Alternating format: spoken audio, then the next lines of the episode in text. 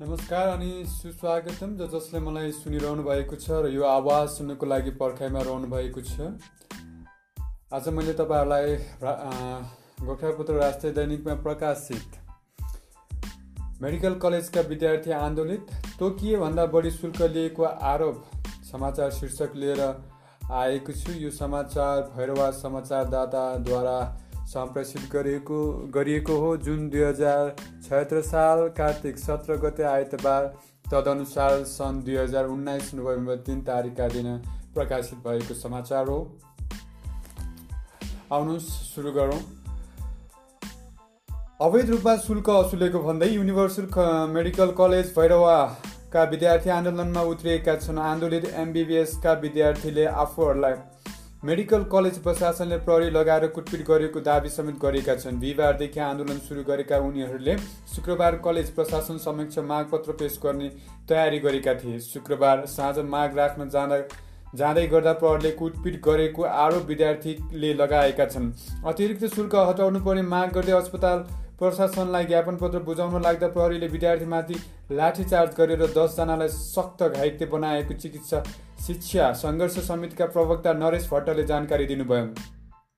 उता प्रहरीले भने सो कलेजका विद्यार्थीमाथि लाठीचार्ज नभएको दावी गरेको छ। जिल्ला प्रहरी कार्यालय रूपेन्देहीका प्रवक्ता डिएसपी खड्क बहादुर खत्रीले विद्यार्थीले गेटमा धर्ना बसेर एम्बुलेन्स लगायतका अत्यावश्यक साधन समेत रोक्न खोज्दा सामान्य ढकेल ढक ढकेला ढकेल मात्रै भएको बताउनु भयो कलेजका विद्यार्थीले केही दिन अघि मेडिकल कलेजले अवैधानिक रूपमा असुलेको शुल्क फिर्ता गर्न माग गर्दै चिकित्सा शिक्षा अध्ययन संस्थान आइओएममा निवेदन दर्ता गरेका थिए।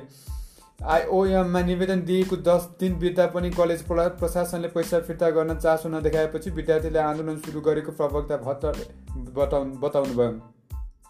धरनामा प्रहरीले दमन नै गरेको उहाँको भनाइ छ। विद्यार्थीले गुनासो गरेपछि प्रमुख जिल्ला अधिकारी महादेव पन्तले सरकारले निर्णय गरिसकेकाले तोकेभन्दा बढी लिएको पैसा फिर्ता गराउन सहयोग गर्ने आश्वासन दिनुभएको थियो। कलेजमा पढ्ने अधिकांश विद्यार्थी होस्टेलमा बस्छन्। आन्दोलनमा उत्रिएको भन्दै कलेज प्रशासनले उनीहरूलाई राति अवेरसम्म पनि कलेजभित्र पस्न नदिएको विद्यार्थीले बताएका छन्। सरकारले तोकेभन्दा दसदेखि पन्ध्र लाख रुपियाँसम्म बढी शुल्क असुलेको विद्यार्थीको आरोप छ। कलेज प्रशासनले कलेज बाहिरका विद्यार्थी ल्याएको भन्दै विद्यार्थीलाई कलेज प्रवेशमा रोक लगाएको बताएको छ। चिकित्सा शिक्षा सङ्घर्ष समितिका विद्यार्थी पनि युनिभर्सलका विद्यार्थीलाई साथ दिन त्यहाँ पुगेका थिए। विद्यार्थीको आन्दोलनका विषयमा कलेजका जनसम्पर्क अधिकृत सुशील गुरुङले विद्यार्थीमाथि लाठीचार्ज नभएको दावी गर्नुभयो। उहाँले बिरामीलाई विद्यार्थीले उपचार गर्न जान नै रोक लगाएपछि प्रहरीले त्यहाँबाट हटाउन मात्र सामान्य बल प्रयोग गरेको बताउनु भयो कलेजभन्दा बाहिरका विद्यार्थी आएर आन्दोलन गरेका कारण होस्टेल जान रोक लगाएको उहाँको भनाइ छ। कस्तो लाग्यो तपाईँहरूलाई यो समाचार? पक्कै पनि शिक्षा एक एक हिसाबले व्यापारको रूपमा गएको हो कि भन्ने चाहिँ एउटा आवाज चाहिँ छ तर त्यस्तो रूपले नजाओस्। पढ्नेले पनि केही खर्च गरेर पढोस् होइन? लागेको शुल्क तिरेर पढोस् तर फोकटमा हुन्छ नि अलिकति दयामाया पनि नपढोस् किन भन्दाखेरि आफ्नो लागतमा आफ्नो मेहनतमा आफ्नो खर्चमा पढेको त्यो अलिकति बेग्लै अर्थ रहन्छ जस्तो मलाई जहाँसम्म व्यक्तिगत रूपमा लाग्दछ। भन्दै तपाईँहरूले सुनिदिनु भयो साथ दिनुभयो त्यसको लागि धन्यवाद। हस्त नमस्ते।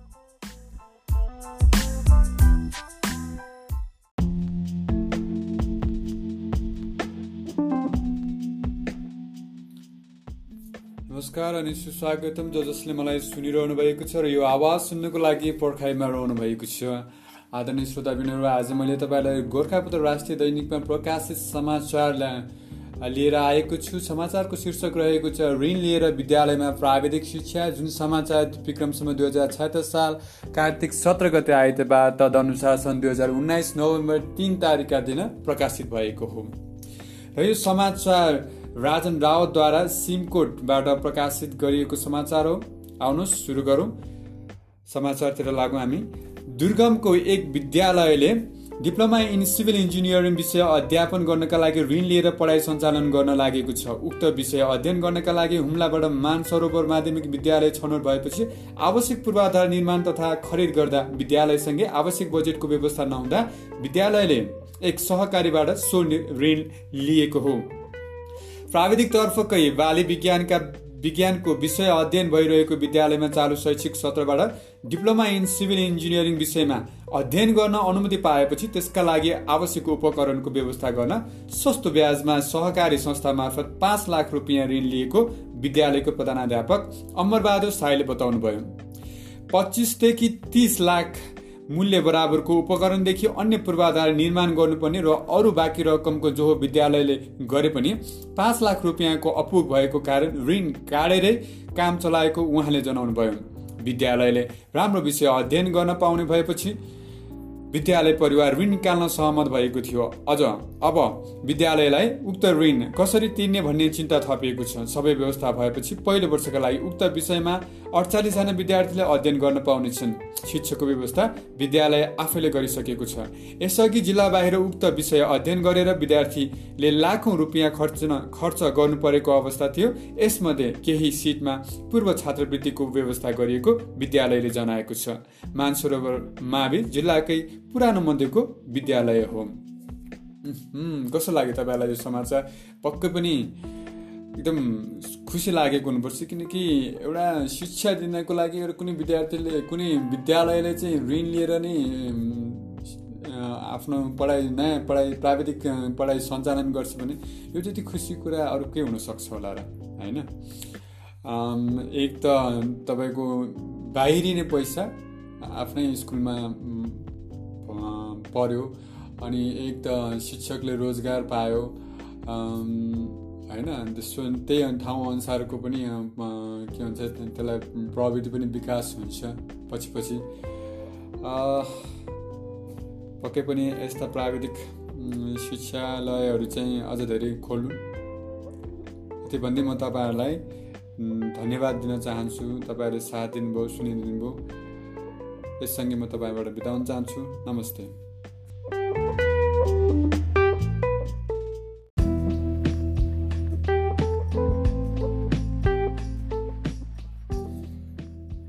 नमस्कार अनि सुस्वागतम। ज जसले मलाई सुनिरहनु भएको छ र यो आवाज सुन्नुको लागि पर्खाइमा रहनु भएको छ आदरणीय श्रोताबिनहरू आज मैले तपाईँहरूलाई राष्ट्रिय दैनिक गोर्खापत्रबाट तपाईँहरूलाई विद्यार्थीले दिवा खाजा पाएनन् समाचार शीर्षक लिएर आएको छु।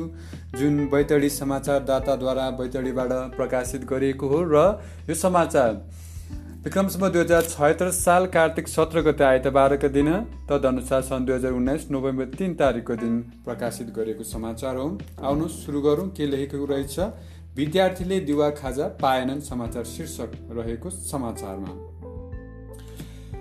विद्यार्थीलाई दिवा खाजा खुवाउन गाउँको सिंहदरबारको खातामा बजेट आए पनि विद्यालयमा खाजा नपाक्दा बैतडीका पैँतिसजना विद्यार्थी दिउँसो भोकै बस्न बाध्य भएका छन्। विद्यालयको शैक्षिक सत्र आधा सकिने लाग्दा पनि गाउँको सिंहदरबारले बैतडीका तिन सय सत्र प्राथमिक विद्यालयका पैँतिस हजार विद्यार्थीलाई दिवा खाजा दिन सकेको छैन।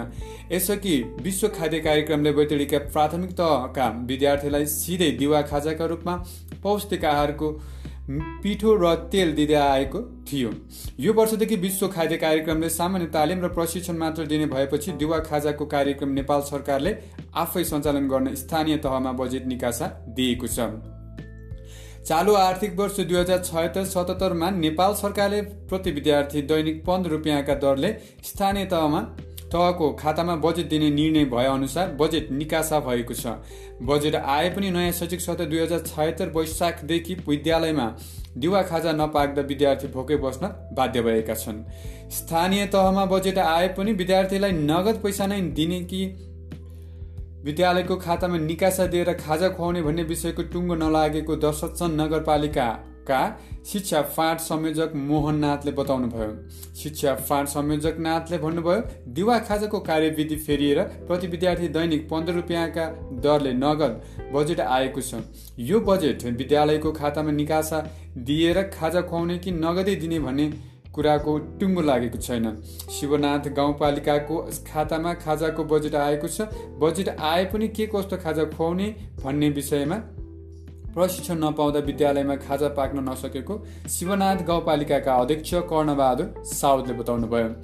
अध्यक्ष साउदले भन्नुभयो तिहारपछि विश्व खाद्य कार्यक्रमले स्थानीय तहको सरकारलाई दिवा खाजाको प्रशिक्षण दिने भन्ने कुरा सुनिएको छ। प्रशिक्षणपछि मात्र विद्यालयमा दिवा खाजा पाक्छ। बैतडीको दसौँ नगरपालिका पाटन नगरपालिका मैनाली न मेलौली नगरपालिका पुरचौडी नगरपालिका सुरनयाँ नगरपालिका गाउँपालिका डोगदा केदर गाउँपालिका शिवनाथ गाउँपालिका पञ्चेश्वर गाउँपालिका सिकास गाउँपालिका डिलासनी गाउँपालिका गरेर बैतडीमा दस स्थानीय तह रहेका छन्।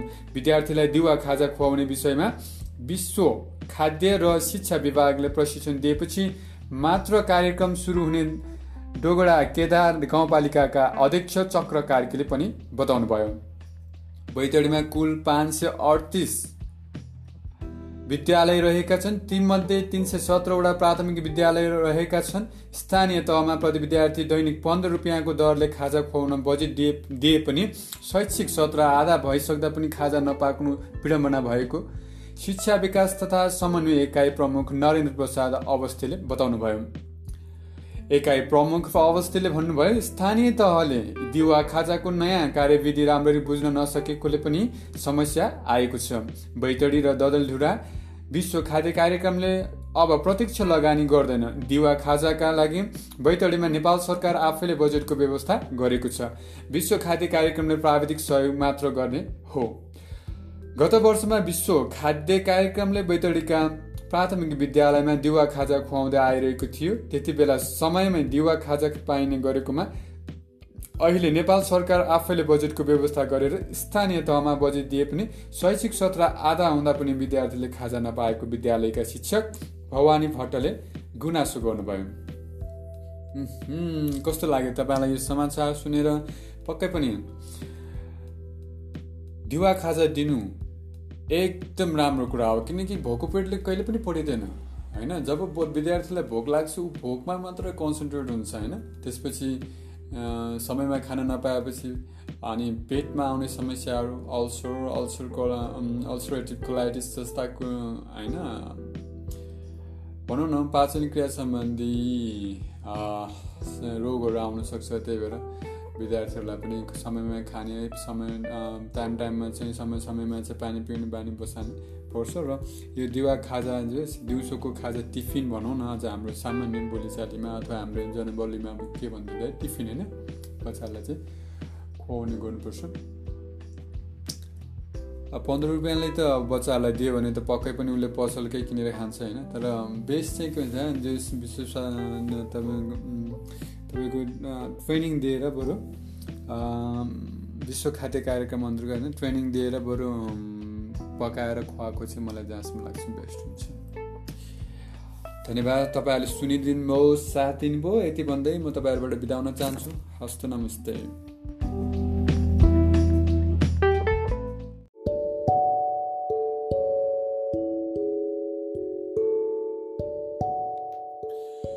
नमस्कार अनि सुस्वागतम ज जसले मलाई सुनिरहनु भएको छ र यो आवाज सुन्नुको लागि पर्खाइमा रहनु भएको छ। आदरणीय श्रोताबिनहरू आज मैले गोर्खापत्र राष्ट्रिय दैनिकमा शनिबार पत्रिकामा छापिएको एउटा लेख लिएर आएको छु। जुन यो जुन लेख सम विक्रमसम्म दुई हजार छयत्तर साल कार्तिक सोह्र गते शनिबार तदनुसार सन् दुई हजार उन्नाइस नोभेम्बर दुई तारिकका दिन प्रकाशित भएको र यो समाचार यो लेख तपाईँले तपाईँलाई चाहिँ प्रकाश सिलवाले तयार दिनु तयार गरिदिनु भएको छ। शीर्षक रहेको छ परीक्षा प्रणालीको इतिहास।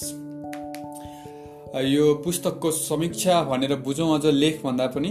परीक्षा प्रणालीको इतिहास रहेको छ आसु आउनु सुरु गरौँ।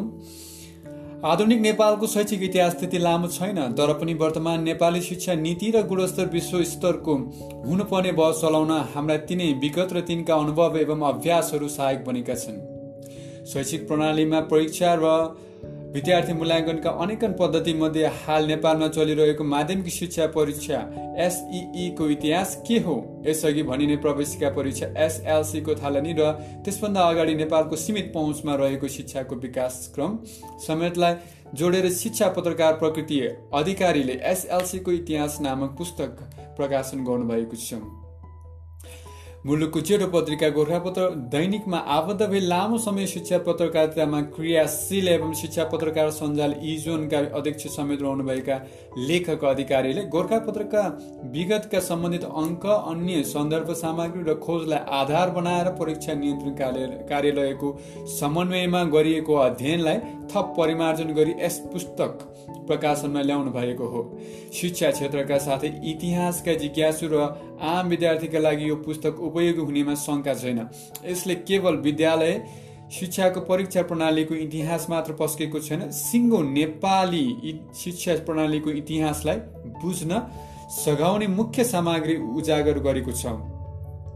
प्राचीनकालका जीवनका ब्रह्मचार्य ब्रह्मचर्य गृहस्थ वानप्रस्थ र सन्यास गरी चार आश्रम रहेको प्रसङ्गदेखि आधुनिक शिक्षाको थालनी हुनुपूर्वको गुरुकुल पद्धति हुँदै तत्कालीन प्रधानमन्त्री जङ्गबहादुर राणाले विक्रम सम्बत उन्नाइस सय सात फागुन छ गते बेलायत भ्रमणबाट स्वदेश फर्केपछि विक्रम सम्बत उन्नाइस सय दस असोज सत्ताइस गते थापाथाली दरबारमा विद्यालय स्थापना गरेको पृष्ठभूमिको सन्दर्भ पुस्तकले समेटेको छ।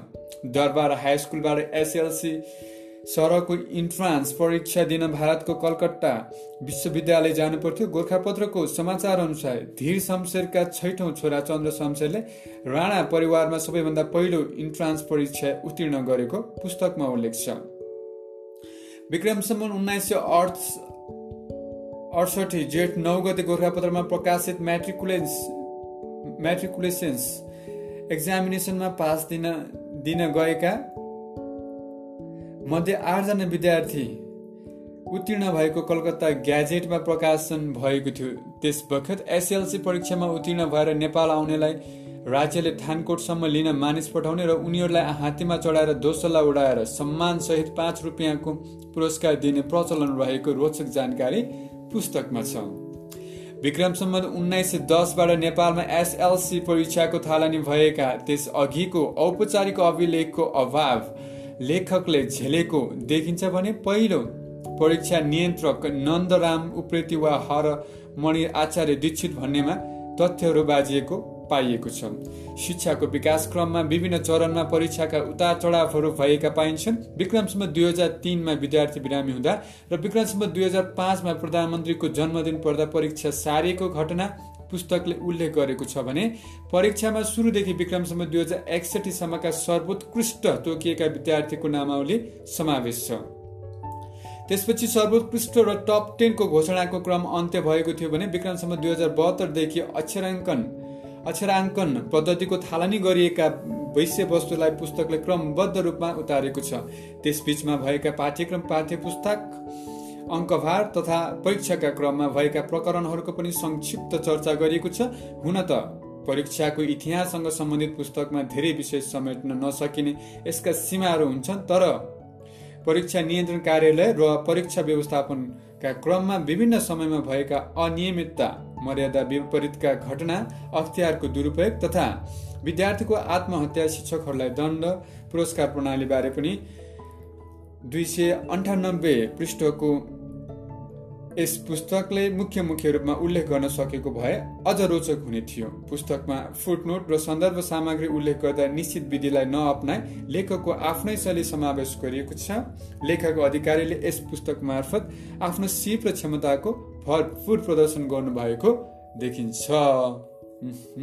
कस्तो लाग्यो तपाईँहरूलाई?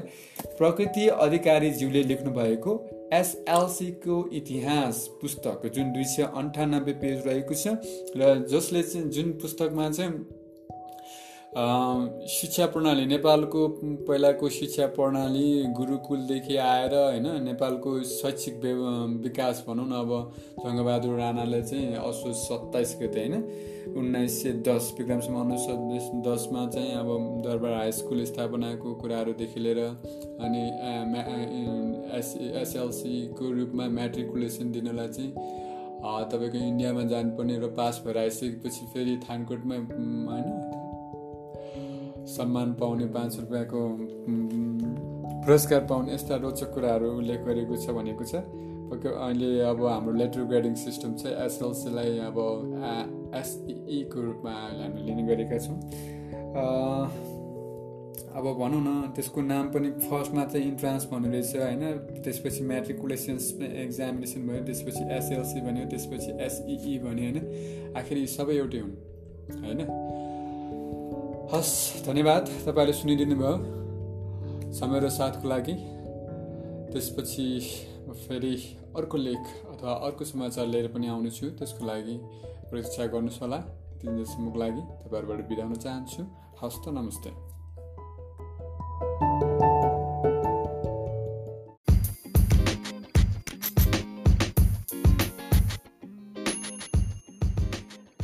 नमस्कार अनि सुस्वागतम ज जसले मलाई सुनिरहनु भएको छ र यो आवाज सुन्नुको लागि पर्खाइमा रहनु भएको छ। आदरणीय श्रोताबिनहरू आज मैले तपाईँलाई गोर्खापत्र राष्ट्रिय दैनिकमा प्रकाशित स्नातक उत्तीर्ण मन्जु वाल पेन्टिङ गर्दै समाचार शीर्षक रहेको समाचार पढ्न गइरहेको छु र जुन यो समाचार चाहिँ टिकापुर समाचारदाताद्वारा टिकापुरबाट सम्प्रेषित गर्नुभएको हो भने यो समाचार विक्रमसम्म दुई हजार छत्तर साल कार्तिक सोह्र गते शनिबार तदनुसार। सन् दुई हजार उन्नाइस नोभेम्बर दुई तारिकका दिन प्रकाशित गरिएको समाचार हो। आउनुहोस् तपाईँहरूको लागि मैले यो समाचार पढ्न गइरहेको छु। वाणिज्य शास्त्रमा स्नातक पढेकाले के गर्छ होला? सबैको जवाफ हुन्छ बैङ्कमा जागिर गर्छ वा स्कुलतिर पढाउँछ। तर कैलालीको जानकी गाउँपालिका वडा नम्बर एक दुर्गौली घर भएकी मन्जु चौधरी भने फरक तरिकाले अगाडि बढिरहनु भएको छ। अहिले सत्ताइस वर्षकी अविवाहित मन्जुले वाल पेन्टिङ गरेर स्वरोजगार बन्नुभएको छ। मन्जुले भन्नुभयो पढेको हिसाबले जागिर खोज्नु मलाई राम्रो लाग्दैन। धेरै पढ्नु राम्रो हो तर पढेर जागिर नै खानुपर्छ भन्ने सोचाइ गलत हो। जागिरको पछि पछि दौडेर खेर फाल्ने समयमा कुनै पनि सिप सिक्न उहाँको सुझाव छ। उहाँले भन्नुभयो धेरैजनाले यति पढ्नु भएको छ नोकरी गर्नुपर्छ नि भन्छन् तर मलाई नोकरीभन्दा आफूसँग भएको सिपको प्रयोग गरेर स्वतन्त्र रूपमा काम गर्न मनपर्छ। मन्जुलाई उहाँको बुवा लिखेर लिखराम चौधरीले सिप सिकाएर आत्मनिर्भर बनाउनु भएको हो। लिखरामले दुई हजार अडसठी सालदेखि आफ्नै जेठी छोरीलाई पढाइ सँगसँगै आफूले जानेको सिप सिकाउनु भएको थियो। हाम्रो दुर्भाग्य बुबाको दुई हजार पचहत्तर सालमा मोटरसाइकल दुर्घटनामा परेर निधन भयो। बुबाको भरोसामा रहेका मन्जु सहित तिन छोरी एक छोरा र श्रीमतीको भविष्य लिखरामको निधनसँगै अन्धकार बन्यो। लिखरामले दुई हजार बाहन्न सालदेखि पेन्टिङको काम गर्दै आउनुभएको थियो। टिकापुर बजारमा एलआर आर्ट्स नामको पसल खोलेर उहाँले व्यवसाय थाल्नुभएको थियो। लेखरामले पसलहरूका अगाडि विभिन्न रङको प्रयोग गरेर पसलको नाम ठेगाना लगायत लेख्ने पेसाबाट उहाँले आफ्ना छोराछोरीको पढाइ लेखाइदेखि लिएर घर खर्चसम्म आउनु भएको थियो। घरको सबै जिम्मेवारी सम्हालेको अभिभावकले एक्कासी छोडेर जाँदा उहाँको पुरै परिवार रानी बिनाको मौरी जस्तै बन्यो। लिखरामले संसार छोडेर गए तापनि उहाँले छोरीलाई सिकाएको सिप अहिले उहाँको बाँकी पाँचजनाको परिवार पाल्ने सहारा बनेको छ। मन्जुले भन्नुभयो यदि बुबाले आफूले जानेको सिप मलाई नसिकाएको भए आज हाम्रो परिवारको बिजोग नै हुने थियो। बुबाको सम्पूर्ण पेसा अहिले आफूले सम्हालेको छु। जागिर गरेको भए पनि भए तिन भाइ बहिनीलाई पढाएर आमाको र आफ्नो खर्च धान्न सकिँदैन थियो होला। साइनबोर्ड तथा पसलका भित्तामा नाम लेखिदिएर नै महिनामा चालिसदेखि पैँतालिस हजार रुपियाँसम्म आम्दानी हुने गरेको मन्जुको भनाइ छ। मन्जुकै मेहनतले माइली बहिनी टिकापुर बहुमुखी क्याम्पसमा स्नातकोत्तर दोस्रो वर्षमा र कान्छी बहिनी स्नातक तहमा काठमाडौँमा र भाइ पनि काठमाडौँमा एघार कक्षामा पढ्न पाइरहेका छन्। सिँढी चढेर भित्तामा लेख्नुपर्ने भएकाले जोखिम भए पनि काम गर्ने अभ्यास भइसकेकाले आफूलाई सहज नै लाग्ने गरेको मन्जुले बताउनु भयो महिलाले पनि यसरी वाल पेन्टिङ गर्छन्? भन्ने भन्दै कतिपयले आश्चर्य मान्ने मान्ने मान्ने गरेको भन्दै उहाँले धेरैजसोले राम्रो काम हो भन्दै प्रोत्साहन गर्ने गरेको पनि बताउनु भयो मानिसहरू पढेर जागिर खाने सोचिरहेका हुन्छन् तर सिप बिनाको शिक्षाले बेरोजगारी बढे बढी निम्त्याउने उहाँले बताउनु भयो उहाँले भन्नुभयो हातमा सिप भएपछि जसरी पनि जीवन धान्न सकिन्छ। कस्तो लाग्यो तपाईँलाई समाचार? पक्कै पनि राम्रो लागेको हुनुपर्छ।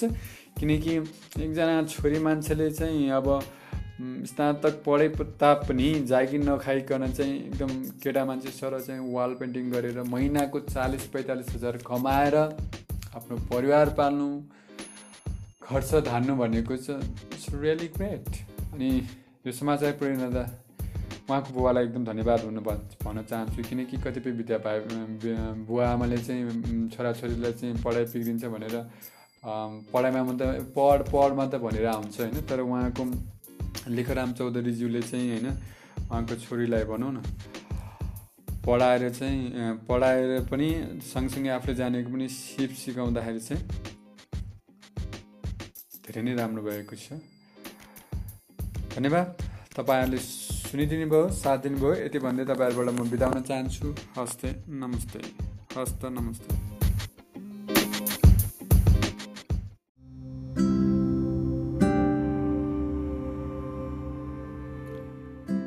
नमस्कार अनि सुस्वागतम ज जसले मलाई सुनिरहनु भएको छ र यो आवाज सुन्नुको लागि पर्खाइमा रहनु भएको छ आदरणीय श्रोताबिनहरू आज मैले तपाईँलाई गोर्खापत्र राष्ट्रिय दैनिकमा प्रकाशित शिक्षालाई प्रविधिसँग जोड्ने तयारी मन्त्री पोखरेल समाचार शीर्षक रहेको समाचार पढ्न गइरहेको छु। जुन समाचार चाहिँ लाहान समाचार दाता दाताद्वारा लाहानबाट सम्प्रेषित गर्नुभएको छ भने यो समाचार।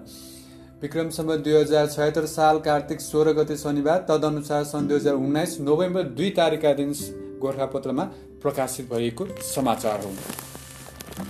आउनु श्रोताबिनहरू सुरु गरौँ।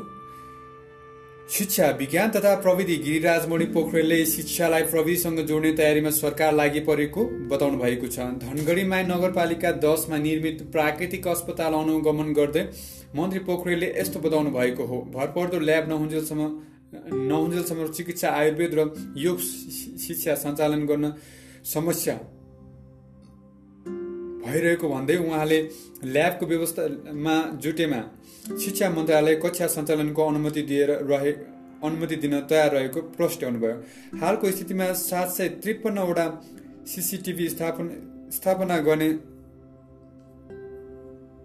स्थितिमा सरकार नरहेको बताउँदै मन्त्री पोखरेलले एउटै सिसिटिभीबाट स्थानीय सरकारको साझेदारीमा प्राकृतिक चिकित्सा आयुर्वेद तथा योगका कक्षाहरू सञ्चालन गर्नुपर्ने भएकाले यसलाई सकारात्मक ढङ्गले बुझिदिन आग्रह गर्नुभयो। उहाँले भन्नुभयो भन्नुभयो हालसम्मको स्थितिमा बिस प्रतिशत मात्र प्रविधिमा आधारित शिक्षा पढाइ भइरहेकाले शिक्षालाई श्रमसँग श्रमलाई सिपसँग र सिपलाई उत्पादनसँग र उत्पादनलाई समृद्धिसँग जोड्न अस्सी प्रतिशत शिक्षा प्रविधिसँग जोडेर पठन पाठनको माहौल बनाउने सरकारको तयारी भइरहेको छ। धनगढीमाया नगरपालिकाका नगर प्रमुख हरिनारायण चौधरीले नगर नगर कार्यपालिकाले व्यवहारिसे एवं अधुरो बनेको प्राकृतिक चिकित्सा अस्पताल सञ्चालनका लागि निर्णय गरिसकेको छ भन्नुभयो। उहाँले प्राकृतिक चिकित्साको कक्षा सञ्चालन गर्ने गरी सबैसँग छलफल भइरहेको बताउनुभयो। भारतीय दूतावासको सहयोगमा निर्मित अस्पताल धनगढी नगरपालिकालाई हस्तान्तरण नगरिदिँदा यहाँका अत्यावश्यक सामग्री समेत नष्ट हुन थालेको स्थानीयवासीले बता बताएका छन्। अहिले यस अस्पतालमा धनगढी माई नगरपालिकाको एघार नम्बरको वडा कार्यालय सञ्चालन सञ्चालन हुनुका साथै नगरपालिकाले अन्तर्क्रिया र गोष्ठी गर्ने गरेको छ। यसरी उद्देश्य विपरीत काम भएकोमा पनि स्थानीयवासीले गुनासो पोखेका छन्। कस्तो लाग्यो तपाईँलाई? समाचार सुनिरहँदा आदरणीय श्रोताबिनहरू। पक्कै पनि गिरिराज मणिज्यू जो शिक्षा मन्त्री पनि हुनुहुन्छ। शिक्षा विज्ञान तथा प्रविधि मन्त्री गिरिजा मर्जी पोखरेलज्यूले शिक्षालाई चाहिँ प्रविधिसँग जोड्न होइन। जोड्ने कुरा एकदम राम्रो गर्नुभएको छ। अनि शिक्षालाई श्रमसँग श्रमलाई फेरि सिपसँग र सिपलाई उत्पादनसँग र उत्पादनलाई समृद्धिसँग जोड्ने यो एकदम प्रक्रियागत रूपमा गएको छ। एकदम राम्रो कुरा हो किनकि प्राविधिक शिक्षा अहिले अत्यावश्यक शिक्षा हो यसले निरन्तरता पाओस् सार्थकता पाओस् यति भन्दै सुनिदिनु भयो त्यसको लागि धन्यवाद भन्दै तपाईँहरूबाट म बिदा हुन चाहन्छु हस्त नमस्ते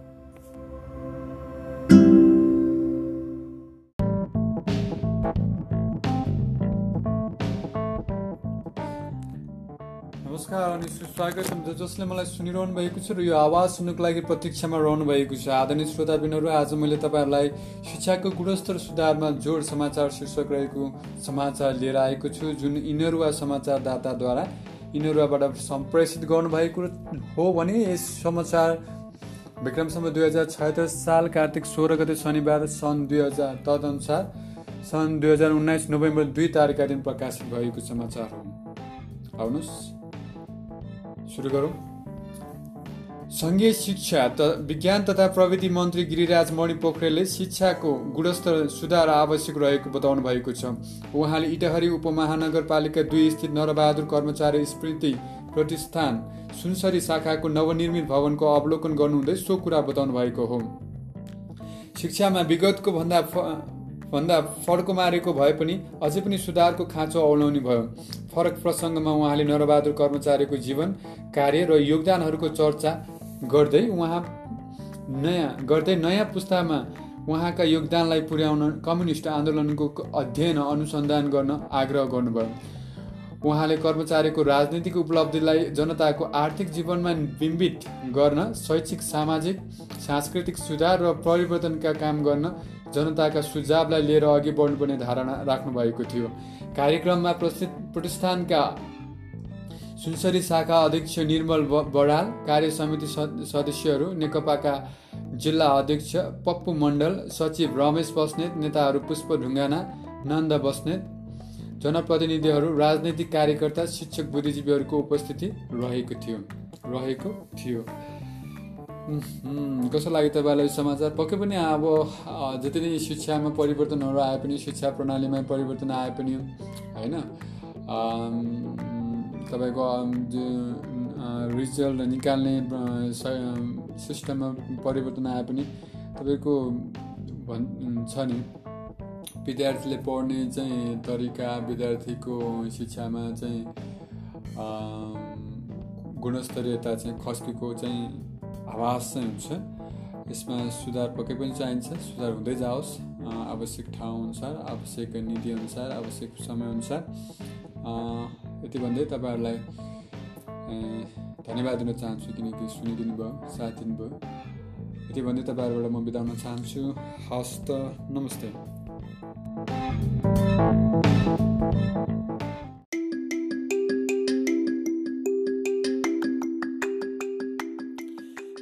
अनि सुस्वागतम ज जसले मलाई सुनिरहनु भएको छ र यो आवाज सुन्नुको लागि पर्खाइमा रहनु भएको छ आज मैले तपाईँहरूलाई गोर्खापत्र राष्ट्रिय दैनिकमा प्रकाशित समाचार लिएर आएको छु र जुन यो समाचार चाहिँ गोर्खापत्र समाचारदाताद्वारा काठमाडौँबाट सम्प्रेषित गर्नुभएको हो र भने विक्रमसम्म दुई हजार छत्तर साल कार्तिक सोह्र गते शनिबार तदनुसार सन् दुई हजार उन्नाइस नोभेम्बर दुई तारिकका दिन यो समाचार प्रकाशित गरेको हो समाचारको शीर्षक रहेको छ विदेश जाने विद्यार्थीले घरबाटै आवेदन दिन सक्ने। घरबाट विद्यार्थीले फारम भर्न मिल्ने सफ्टवेयरका लागि बोलपत्र आह्वान भइसकेको छ। आउनुहोस् सुरु गरौँ। वैदेशिक अध्ययनका लागि घन्टौँ लाम लागेर नो अब्जेक्सन लेटर लिनुपर्ने अवस्थाको अन्त्य गरिने भएको छ। शिक्षा विज्ञान तथा प्रविधि मन्त्रालयले उच्च शिक्षा अध्ययनका लागि विदेश जान चाहने विद्यार्थीलाई घरमै बसेर आवेदन फारम भर्न पाउने व्यवस्था आगामी मङ्सिरबाट सुरु गर्दैछ। यसबाट बिहानदेखि लाम लाग्नुपर्ने बाध्यता हट्नेछ मन्त्रालयका सहसचिव रामशरण सापकोटाले घरबाट विद्यार्थीलाई फारम भर्न मिल्ने सफ्टवेयरका लागि बोलपत्र आह्वान भइसक्यो जानकारी दिँदै भन्नुभयो आगामी मङ्सिर मसान्तभित्र यस्तो सेवाको थालनी गर्ने गरी काम अगाडि बढाएका छौँ। दैनिक शर्त दुई सयभन्दा बढी विद्यार्थीहरू नो अब्जेक्सन लेटर लिन केशर महल स्थित कार्यालयमा पुग्ने गरेका छन्। निकै भिड लाग्ने हुँदा विद्यार्थी हरूले दिनभरि शास्ति भोग्नुपर्ने अवस्था छ। गत वर्ष त्रिसठी हजार दुई सय उनासाठीजनाले त्यस्तो कागजात लिएका थिए। नक्कली प्रमाणपत्र तत्काल थाहा हुने। प्रमाणपत्रको सत्य सत्यापन गर्ने चलन नहुँदा कतिपयले नक्कली प्रमाणपत्रकै आधारमा नो अब्जेक्सन लेटर लिन सफल भएका पनि छन्। मन्त्रालयले प्रवेशकादेखि कक्षा बाह्रसम्मका प्रमाणपत्रको सत्यापन गर्ने गरी प्रविधिको प्रयोग गर्ने भएको छ। सहसचिव सापकोटाले राष्ट्रिय परीक्षा बोर्डसँग सहकार्य गरी आवेदन भरेका विद्यार्थीको अनलाइन मार्फत तत्कालै प्रवेशका र कक्षा बाह्रको प्रमाणपत्र सत्यापन गरिने बताउँदै नक्कली प्रमाणपत्र पेश गरेका बारेमा थाहा पाउन पनि यो प्रविधिको थालनी गर्न थालेका हौँ भन्नुभयो। आवेदन फारम भरेकै दिनमा विद्यार्थीलाई नो अब्जेक्सन लेटर उपलब्ध गराउने र विद्यार्थीले आफैलाई त्यसलाई प्रिन्ट गर्न पाउने व्यवस्था मिलाउने मिलाइने भएको छ। विद्यार्थीले नो अब्जेक्सन लेटर नक्कली बनाउन नसकुन् भनेर अध्यागमन विभाग र नेपाल राष्ट्र ब्याङ्कसँग सहकार्य गरी उनीहरूका बारेमा विवरण दिने पनि योजना बनाइएको छ। उहाँले भन्नुभयो ती निकायलाई पनि पासवर्ड उपलब्ध गराइनेछ त्यसका आधारमा ती निकायका जिम्मेवार कर्मचारीले नो अब्जेक्सन लेटर सक्कली हो वा नक्कली भन्ने थाहा पाउन सक्नेछन्। नो अब्जेक्सन लेटर लिएकाहरू सबै विद्यार्थी विदेशिँदैनन् कति विदेशिन्छन् भने एकिन तथ्याङ्क शिक्षा मन्त्रालयसँग छैन। नयाँ सफ्टवेयरबाट विदेशिने विद्यार्थीको एकिन तथ्याङ्क थाहा हुनेछ। मन्त्रालयका अनुसार गत वर्ष सबैभन्दा बढी करिब छत्तिस हजार विद्यार्थीले अस्ट्रेलियाको लागि नो अब्जेक्सन लेटर लिएका थिए। जापानमा अध्ययनका लागि करिब आठ हजारले लिएका थिए। गत वर्ष भन्दा बढी मुलुकमा मुलुकका लागि नो अब्जेक्सन लेटर लिएका थिए भने सबैभन्दा बढी स्नातक तह अध्ययनका लागि जाने गरेका छन्। कस्तो लाग्यो तपाईँलाई यो समाचार सुनिरहँदा? पक्कै पनि राम्रो लागेको हुनुपर्छ किनकि प्रविधि यति अगाडि बढिरहेको छ कि हाम्रो दैनिक कार्य काम कार्यमा यसले सबैको जीवन मलाई जहाँसम्म लाग्छ सहज तुल्याइदिएको छ। पक्कै पनि विद्यार्थीहरूलाई जानु अगाडि नो अब्जेक्सन लिटर लिनुपर्ने हुन्छ र त्यसको लागि चाहिँ केसर महल स्थित चाहिँ आजभोलि लाइन बसिरहनुपर्छ। होइन? र त्यो घन्टौँ उभिरहनेले त्यो समय खेर नजाओस् भनेर घरमै बसेर चाहिँ तपाईँको नो अब्जेक्सन लेटर फर्म भर्ने र त्यसपछि त्यसको प्रिन्ट आफैले निकाल्ने सिस्टम धेरै नै राम्रो। घर घरमा सेवा पुगेको छ प्रविधिले गर्दा खुसी छु यसमा पक्कै पनि तपाईँहरूलाई खुसी लागेको छ होला र धन्यवाद दिन चाहन्छु तपाईँहरूले सुनिदिनु भयो साथ दिनुभयो यति भन्दै तपाईँहरूबाट म अहिले बिदा हुन चाहन्छु। हस्त नमस्ते।